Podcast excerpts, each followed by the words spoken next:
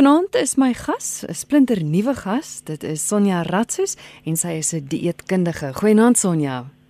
Goeienaand Christel. Sonja, vertel my so 'n bietjie van jouself voor ons nou in vanaand se tema indiep. Goed. Um my naam is Sonja. Ek um praktiseer in um Pretoria. Ek het by Tikkies geswat en my gemeenskapsjaar in Witbank voltooi en na daai jaar het ek teruggekom Pretoria toe en sommer dadelik terug in privaat praktyk. Ek was gelukkig om werk te kry in 'n privaat hospitaal en van daar af werk ek nog al die pad in privaat hospitaal en dan ook in die privaat ehm um, praktyk opset in terme van basiskamer pasiënte sien. En ehm um, my voorliefde is eintlik vir kliniese ehm um, dieetkunde so om pasiënte in die ICU en in die hospitaal te sien maar ons het maar met 'n baie reeks van ehm um, sieke sieke toestande te doen en dan ook ehm um, verskillende ander goedjies soos allergie of maar net fasciite of iets wat nie regtig 'n mediese toestand is nie maar wat eet verwant is so ek doen maar baie verskeidenheid van goed wat mense hulp mee nodig het.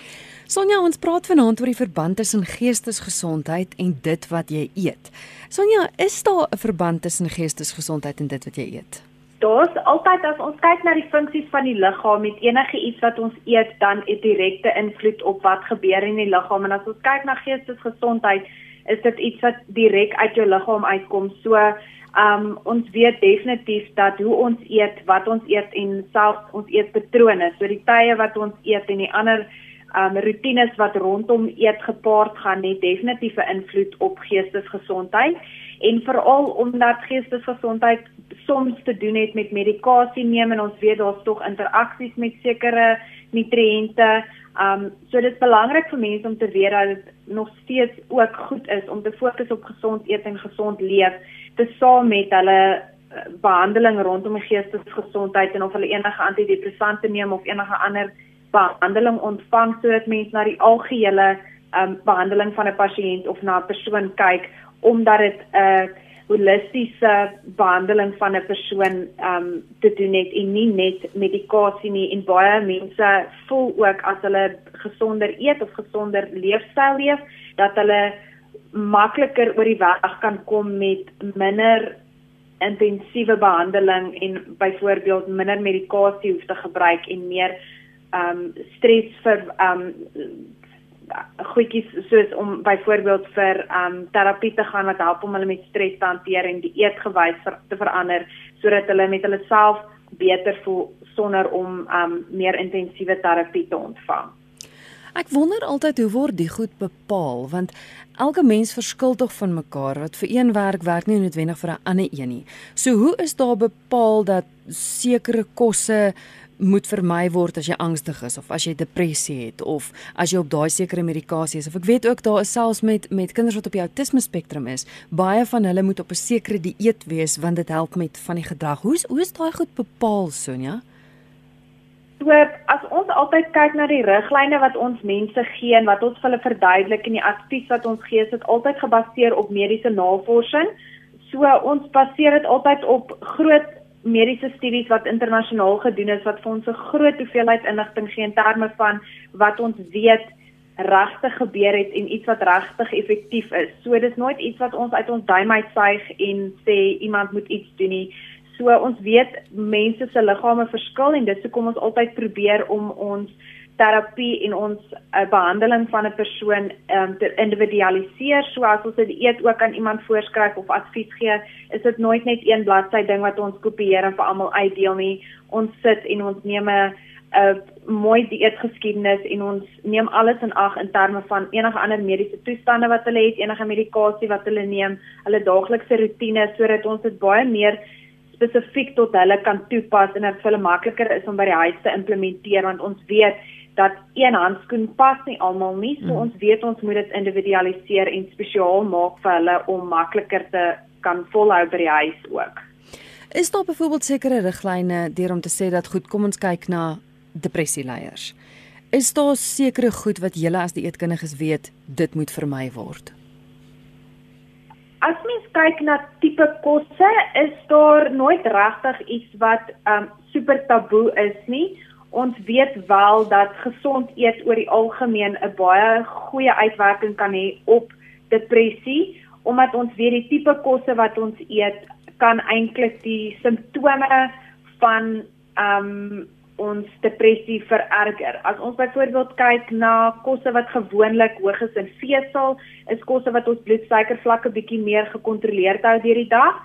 En wanneer iemand ongereeld eet, wanneer hulle iets eet wat hulle suikervlakke baie wiplank laat speel deur die dag, dan laat dit hulle eintlik baie geïrriteerd voel, so dit vererger eintlik hulle de depressie want dit laat hulle eintlik nog meer geïrriteerd voel. Dis daai tipiese effek as mense partykeer sê hulle voel hangry as hulle honger en kwaad is op een slag. Mm. So waar iemand gewoonlik geïrriteerd voel as hulle honger is en moeg is omdat hulle nie geëet het nie, voel dit net soveel erger in iemand wat depressie het want hulle sit al klaar met daai agtergrondfondasie van iemand wat sukkel om sulke emosies te hanteer. So as dit kom by depressie leiers of enige iemand wat angs het of die mense op die outisme of die ADHD spektrum is dit altyd belangrik om te weet dat gereeld eet, so gereelde maaltye is altyd iets wat ons vir mense aanbeveel om te doen en dit sluit baie goed aan by iets wat iemand moet doen as byvoorbeeld diabetes het of iemand wat probeer gewig verloor. So dit is iets wat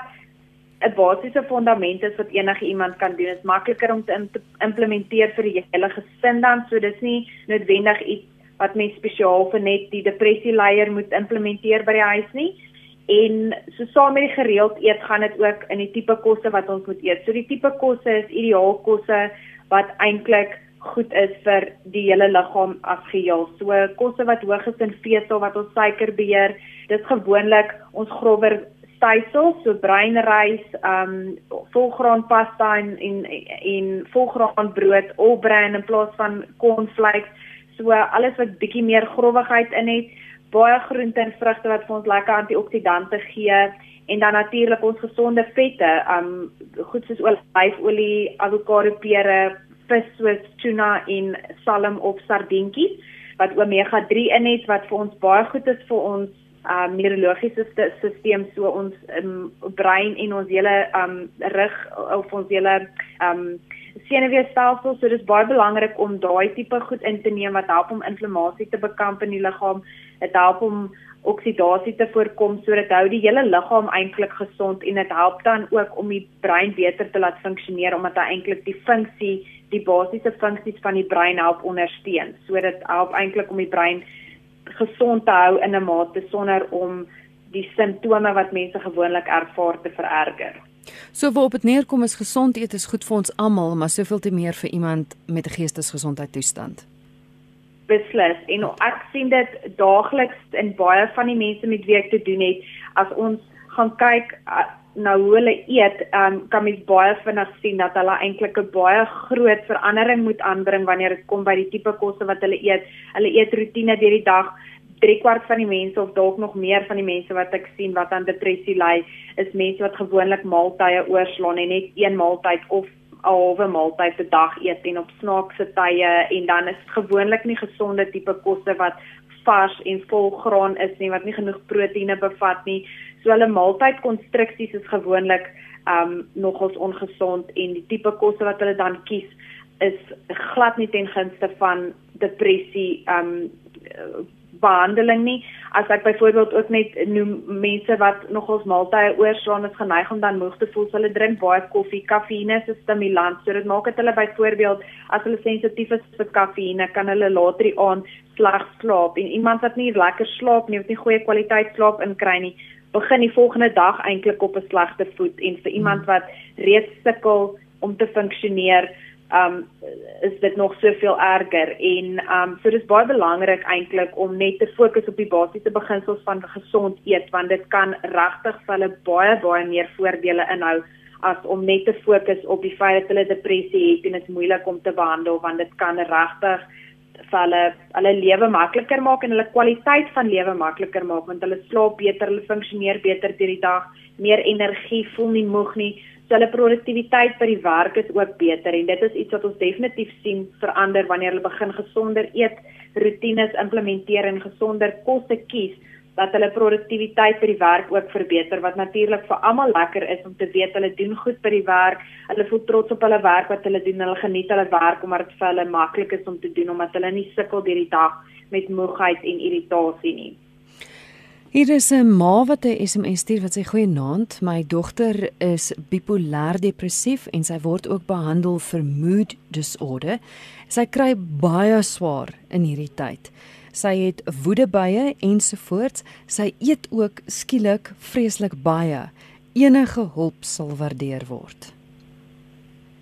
Dis ek dink in, in hierdie tyd wat ons nou het, is dit regtig baie moeilik en ek werk saam met 'n 'n sielkundige praktyk in psigiatriese hospitaal, um Evixia Mental Health en hulle doen online konsultasies ook sê hulle is meer as welkom om hulle ook bietjie te Google en hulle te kontak. Hulle is in Midstream in en in, in, in die Menlyn area. Maar wat baie belangrik is met die eetgewys is om vir myself te probeer terugkry in 'n rotine. Glad nie dieselfde rotine wat mens voor lockdown gehad het nie, want dit is baie moeilik want ons kan nie nou werk toe gaan nie en ons kan nie noodwendig doen wat ons gewoonlik gedoen het nie maar om te probeer om te kyk dat ons nog steeds ontbyt eet en as ons dit nou saam as 'n gesin kan eet, is dit eintlik baie goed want dit is in 'n ontspanne atmosfeer almal wat saam eet en ons kan lekker um mekaar ondersteun in dit. Baie belangrik, ons kan nou lekker saam kos maak ook, so dis bietjie meer van 'n um 'n leisure activity as ek dit nou so in Engels kan noem om te sê ons maak saam kos, dis lekker, ons gesels, ons wees bietjie kreatief in die kombuis so trek bietjie mense aandag af van dit wat mense bietjie hartseer maak op die oomblik en dan ook om te hou by as ons kos eet om te eet en om nie byvoorbeeld vir die TV te eet nie of nie om vir die rekenaar te eet nie. So ons praat van dit in Engels as mindful eating. So nie om te fokus die hele tyd op dit wat ons eet en om krities te wees op dit wat ons eet nie, maar eerder tyd te vat en ons kos te geniet om stadig te eet, stadig te kou, te dink, wat proe ek, wat onthou ek van hierdie geure, wat onthou ek van hierdie reuke, so om die goeie eienskappe van kos en dit wat in on, in ons liggaam doen eintlik te probeer onthou en vir onsself 'n uh, uh, goeie atmosfeer te skep. As dit kom by ooreet en stresvol eet, is dit baie belangrik om te sorg dat ons natuurlik die regte tipe kosse in die huis aanhou. So nie baie chips en sweeties en sjokolades en hoë suiker koeldranke in die huis aanhou nie en eerder as mens 'n soetant het, vrugte hou en mens kan jogurt, mens kry suikervrye vla, suikervrye jelly, daai tipe goed eet wat nog steeds soet gaan proe, nog steeds daai lus vir ons gaan gaan les maar eerder dan net nie die die kalorieë of die suiker gee wat ons nog erger gaan laat voel en skuldig gaan voel nie want dis ook baie wat mense gebeur as as hulle so e ooreet of ongesond eet in sulke stresvolle tye dat hulle nog erger voel na die tyd omdat hulle skuldig voel dat hulle so ongesond geëet het.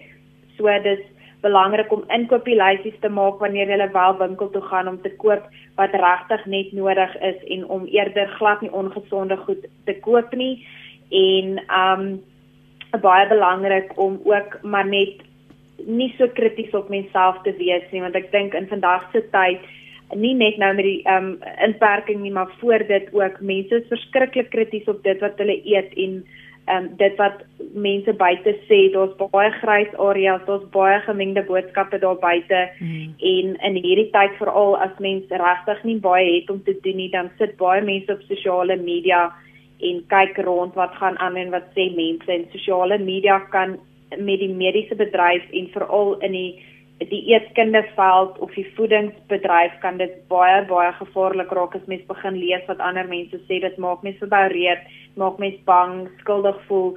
So om eerder raad te soek en te vra by iemand wat gekwalifiseer is om daai raad te gee. So die eetkundige in jou omgewing wat jou kan help, ons is um beskikbaar vir online um konsultasies ook. Die mediese fondse het dit goedgekeur, meeste van hulle.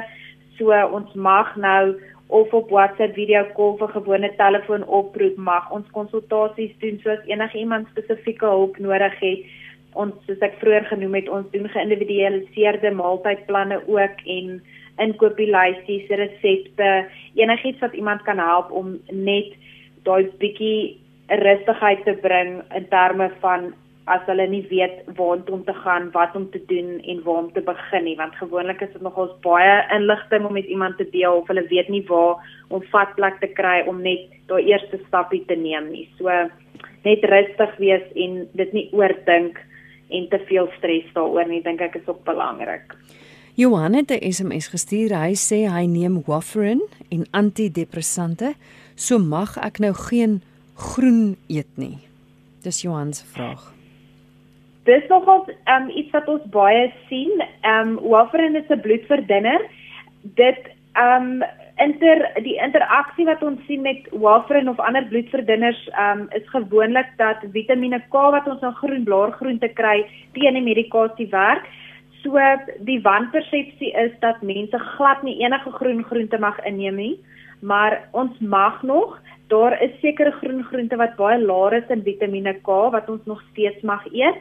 En dan is daar ander wat baie hoër is in Vitamiene K en dan gaan dit ook baie oor die porsie grootte. So as ek sommer so vinnig kan sê spinasie is byvoorbeeld verskriklik hoog in Vitamiene K en ons almal weet ons begin met 'n hele bos spinasie en ons eindig op met twee lepels as ons dit klaar gekook het. So spinasie is ietsie waarvoor mens versigtig moet wees, maar ons mag nog steeds byvoorbeeld 'n slaai maak met blaarslaai en komkommer want daai groen gaan nie te veel Vitamiene K gee nie want dit is baie laer Vitamiene K groente. So weer eens as mens wil, wil weet presies hoeveel Vitamiene K mens moet inneem, dan kan dit die eetkundige mens help om 'n eetplan uit te werk wat sê hoeveel Vitamiene K in spesifieke kosse is en wat die porsie grootte is van hulle hulle gunsteling kosse wat hulle dan elke dag as daar iemand is wat hou van spinasie, dan werk ons dit in 'n plan en wat sê kyk eet dit twee keer 'n week, maar dan moet jy kleiner porsies of jy moet jou ander groen blaargroente dan bietjie op sy skuif en sorg dat mens genoeg ander kleurgroente inkry. So groen blaargroentes of ander groen kosse is nie heeltemal taboe nie, maar mens moet wel versigtig wees daarvoor. Sonja, sou antidepressante se foubiljette of enige ander medikasie wat jy gebruik vir geestesgesondheidstoestande, sou sou dit op daai foubiljette sê wat jy mag en nie mag eet? Soos byvoorbeeld nou die die groen groentes word op die warfarin foubiljet gesê dit dit sal 'n indikasie gee maar dit sal nooit iets wees wat voldoende genoeg gaan wees om iemand rustiger te laat voel oor om te weet presies waartoe om te gaan om wat te koop nie. So dit sal byvoorbeeld nie 'n lekker inkopieslysie op hê wat presies al die voedselsoorte noem nie. Um ek weet baie van die laboratoriums waar die mense se bloed toets dan om te kyk wat hulle dosis van die medikasie moet wees, sal partykeer vir hulle 'n lysie van kosse gee as hulle dan nog nie by die eetkundige uitgekom het nie. Um, maar as mens kyk na ander antidepressante of ander medikasies wat mense gewoonlik gebruik, dan sal dit enige ander interaksie sal dit wel noem. As mens byvoorbeeld kyk homeopatiese middels of ander krye, goed soos Sint-Wort is gewoonlik nogal 'n groot probleem. Dit het baie interaksies met baie medikasies want dit maak dit jou lewer die medikasies vinniger metaboliseer wat beteken jou liggaam werk vinniger uit die medikasie uit. So sy effektiwiteit verminder dan. So dit sal altyd in die fibriljette wees en dit kom dit belangrik is en ek vertel altyd almal wat op enige medikasie is om self daai fibriljette te gaan lees want dit is baie inligting wat daarop is en partykeer vergeet die dokters om dit te verduidelik of hulle gaan nog nie deur die hele lys nie. So dit is belangrik om self proaktief te wees en verantwoordelikheid te vat en self elke medikasie se fibriljette te lees. As mens nie iets verstaan nie, jou dokter of jou dieetkundige te vra om dit vir jou te verduidelik of vir jou in 'n kleiner opsomming op te maak wat ons baie keer doen is waar ons klomp inligting vat wat iemand by verskillende bronne gekry het en dit vir hulle baie meer um eenvoudig op 'n een of twee bladsy opsomming te sit dat dit iets is wat mens sommer teen die yskas of teen die kas kan sit dat mens maklik kan deurlees. So ek weet dit is partykeer irriterend vir mense om deur so baie goed te lees maar hoe meer ons lees en hoe meer ons weet van dit wat ons inneem in terme van medikasie en hoe ons ons lewe vir onsself makliker kan maak dan raai ek mense altyd aan om daai bietjie ekstra leeswerk te doen van die medikasie sodat mens weet waarmee mens te doen het. Is nog 'n boodskap en dit sluit eintlik aan by die fibriljette en medikasie. Hier's 'n luisteraar wat sê dat Ek het 'n suster wat op antidepressante is en duidelik word daar aangedui dat jy nie die antidepressant kan gebruik saam met alkohol nie, maar sy steur haar eenvoudig nie daaraan nie.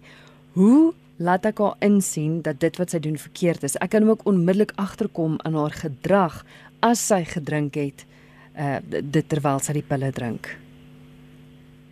Um, ek dink dis baie moeilik omdat um drank ietsie is wat baie mense nog nie altyd sien um 'n effek het op hulle gedrag nie. Um en dit is altyd baie moeilik. Dis iets wat 'n sielkundige mens baie mee kan help om iemand te leer hoe om met hulle familielede of met hulle vriende te kommunikeer daaroor. Um dis nou nie regtig my veld van van ekspertise nie, maar ek kan wel sê dat ons weet alkohol het 'n baie slegte effek op geestesgesondheid.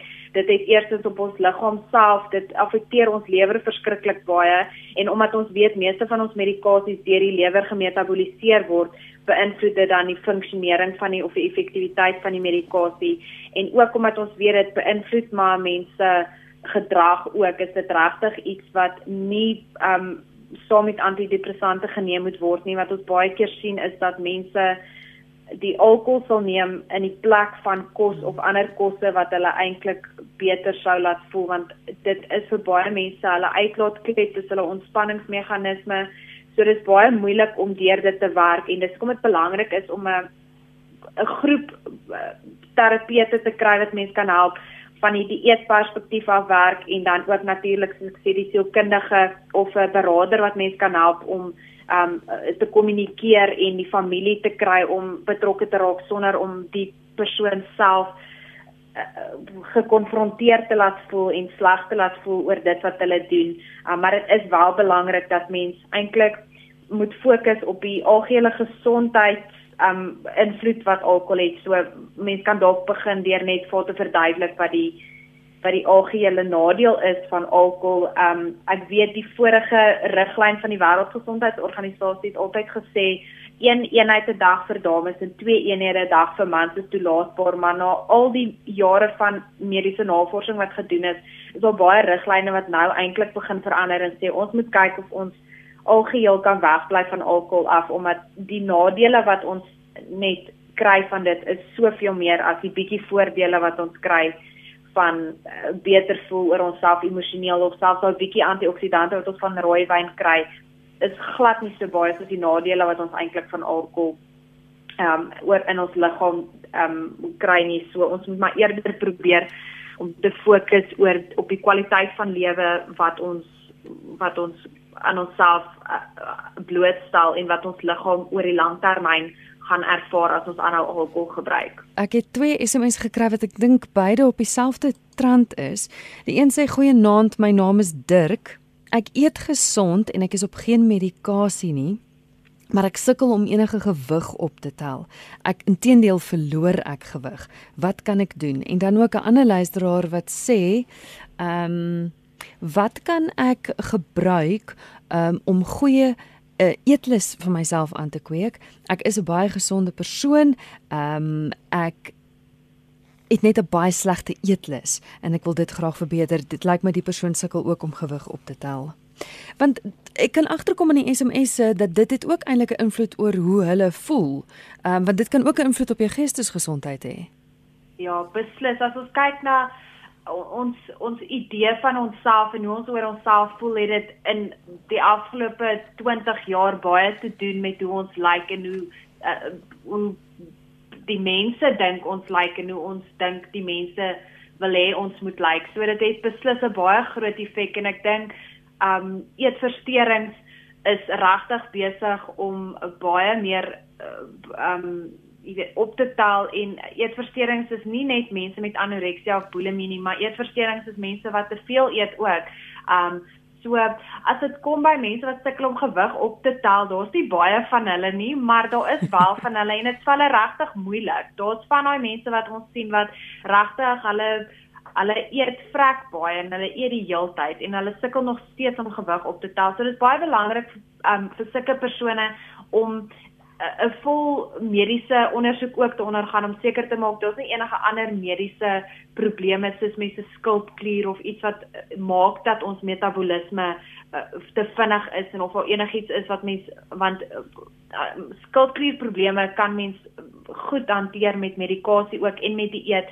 Partykeer is sekere mediese toestande regtig moeilik om net met dieet alleen oor die weg te kom en dan het mens maar medikasie nodig Um so dit hang af en mense kan baie gesond eet. Partykeer help dit net om te weet presies wat hulle eet en hoeveel hulle eet want as dit kom by gewig verloor of gewig optel, is dit baie belangrik om te weet dat hulle 'n spesifieke hoeveelheid kilojoules 'n dag nodig het. So iemand kan baie gesond eet en dan beteken dit dat hulle dalk nog steeds te min kilojoules inneem of dat hulle te min proteïene inneem of dat hulle hard oefen omdat hulle gesondheidsbewus is en dan oefen hulle eintlik baie harder vir dit wat hulle eet. So party mense eet te min kos om eintlik energie te gee vir die liggaam om daai spier op te bou. In plaas van om spier te bou, breek die liggaam eintlik net spier af.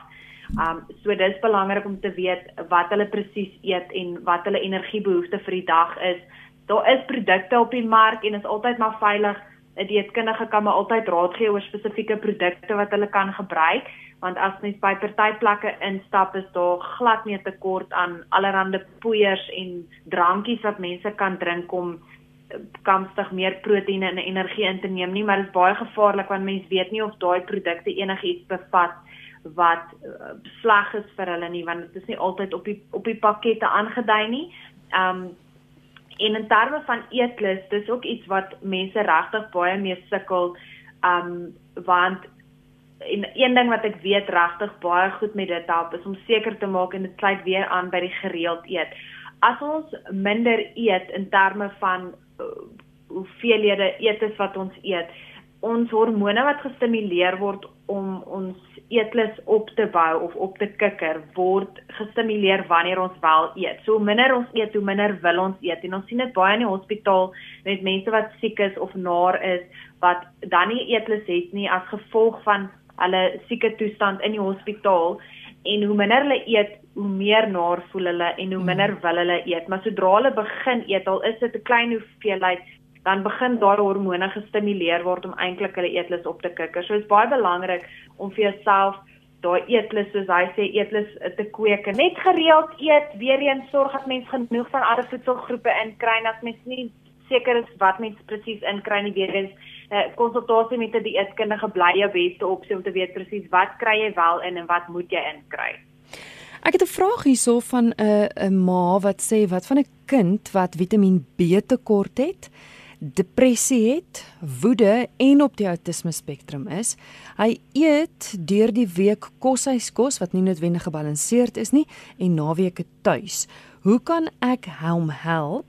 Ehm um, en is dit sodat suiwel negatief uh tot sy gemoed kan bydra? Sy het intussen laat weet dat dit 'n hoërskoolseun is. Ja, ek dink dit is altyd moeilik as mens afhanklik is van kinders wat in koshuis is of wat weg van die huis af etes ontvang want mense is nooit in volle beheer daarvan nie. Mense kan probeer om met hulle te reël, maar dit is altyd moeilik omdat hulle groot maat moet kook vir sulke kinders dat dit altyd moeilik is om vir jou kind spesifiek iets um anders te um te doen. Um dis as mens kyk na B-vitamiene, ons weet B-vitamiene het baie um goeie invloed op ons gesondheid van die brein. So baie keer veral as psigiaters antidepressante of ander medikasies soos Ritalin of Concerta um vir die ADHD of die of ander spektrums sal voorskryf dan sal hulle 'n B-vitamiin um supplement bysit omdat ons weet dit verbeter die werking van die medikasie maar ook dat dit baie goed is vir die brein. So B-vitamiene kry mens van 'n verskeidenheid kosse af, maar meestal kry mens dit van ons proteïenbevattende kosse. So 'n verskeidenheid van proteïene is baie belangrik. Rooi vleis, vis, hoender, ons suiwelprodukte en ek bly steeds vra oor die suiwelprodukte want dis nog 'n wanpersepsie wat daar buite is dat suiwel nie goed is vir outisme nie en selfs partykeer met sinusprobleme alhoewel ons weet subjektief voel mense dat dit hulle simptome vererger en dan is dit altyd moeilik want ons kan nie sê dat dit nie so is as hulle dit self ervaar by die huis nie maar volgens mediese navorsing is daar nie 'n positiewe verbandskap tussen ehm um, sybel wat outisme of enige ander um depressie of angs vererger nie. Dis intedeel baie goed vir ons want dit gee vir ons 'n vorm van proteïene en dan ook gee dit vir ons kalsium, is ons beste bron van kalsium. So as ons sybel uit die dieet uitsny, dan moet ons begin kalsium supplemente drink. So dis net nog meer pilletjies en nog meer goed dat ons nie weet hoe die liggaam dit eintlik gaan absorbeer en gaan gebruik nie. So dis belangrik om te fokus om dit op 'n manier in die dieet in te werk. En as mens by die huis oor 'n naweek moet mens kyk dat mens hom deel kan maak dalk van voedselvoorbereiding omdat hy op hoërskool is, kan hy dalk al begin um belangstelling toon om vir homself kos te maak en uh, om te dink dat hy na skool dalk elk geval um onafhanklik gaan moet wees en vir homself moet kos maak. So om hom deel te maak van dit sodat hy kan begin sien hoe om verskillende voedselgroepe in te werk in die dieet en dit dalk van daai kant af van die huis af is altyd 'n goeie um fondasie om te lê om te sorg dat dit wat mense by die huis doen ten minste altyd gebalanseerd is sodat hy as hy nie by die huis eet nie weet mense ten minste die kere wat hy wel by die huis geëet het, hy iets gebalanseerd gekry het. Hmm. Hier's nog 'n luisteraar wat sê ek het ek is 'n depressieleier en ek voel altyd gespanne. My eetlus het heeltemal verdwyn. Ek eet beskuit, vrugte en jogurt, glutenvrye brood. Ehm um, ek hou nie, wat ek het gou gehou nie van koeldrank nie en ek het geen idee hoe om vleis gaar te maak nie. Dit maak my naar. Ek woon alleen. Ja, alleen woon is ook 'n baie groot probleem want mense voel nie so gemotiveerd om vir hulle self oordentlike gebalanseerde eetes te maak nie want dit vat tyd en dit maak vuil in die kombuis. So dis iets waarmee ons altyd baie sukkel. Ons probeer altyd vir die mense vet te gee wat maklik is om te maak of as mens wel kook, 'n bietjie groter maat kook en dit vries vir 'n volgende keer dat mens wel iets beskikbaar het. Want wat baie keer gebeur is dat mense dan nie sal kook nie en dan eindig hulle op om eerder niks te eet nie of hulle leef dan op goed soos beskuitjies, brood en vrugte. En alhoewel vrugte vir ons goed is en selfs goed soos die jogurt, dit gee nie vir ons al die nutriënte wat ons nodig het um in 'n hele dag nie. So dit kan baie goed werk as peselhappies of ietsie klein of lig as mens laat aand uh, knibbelrig as mens wil ietsie eet.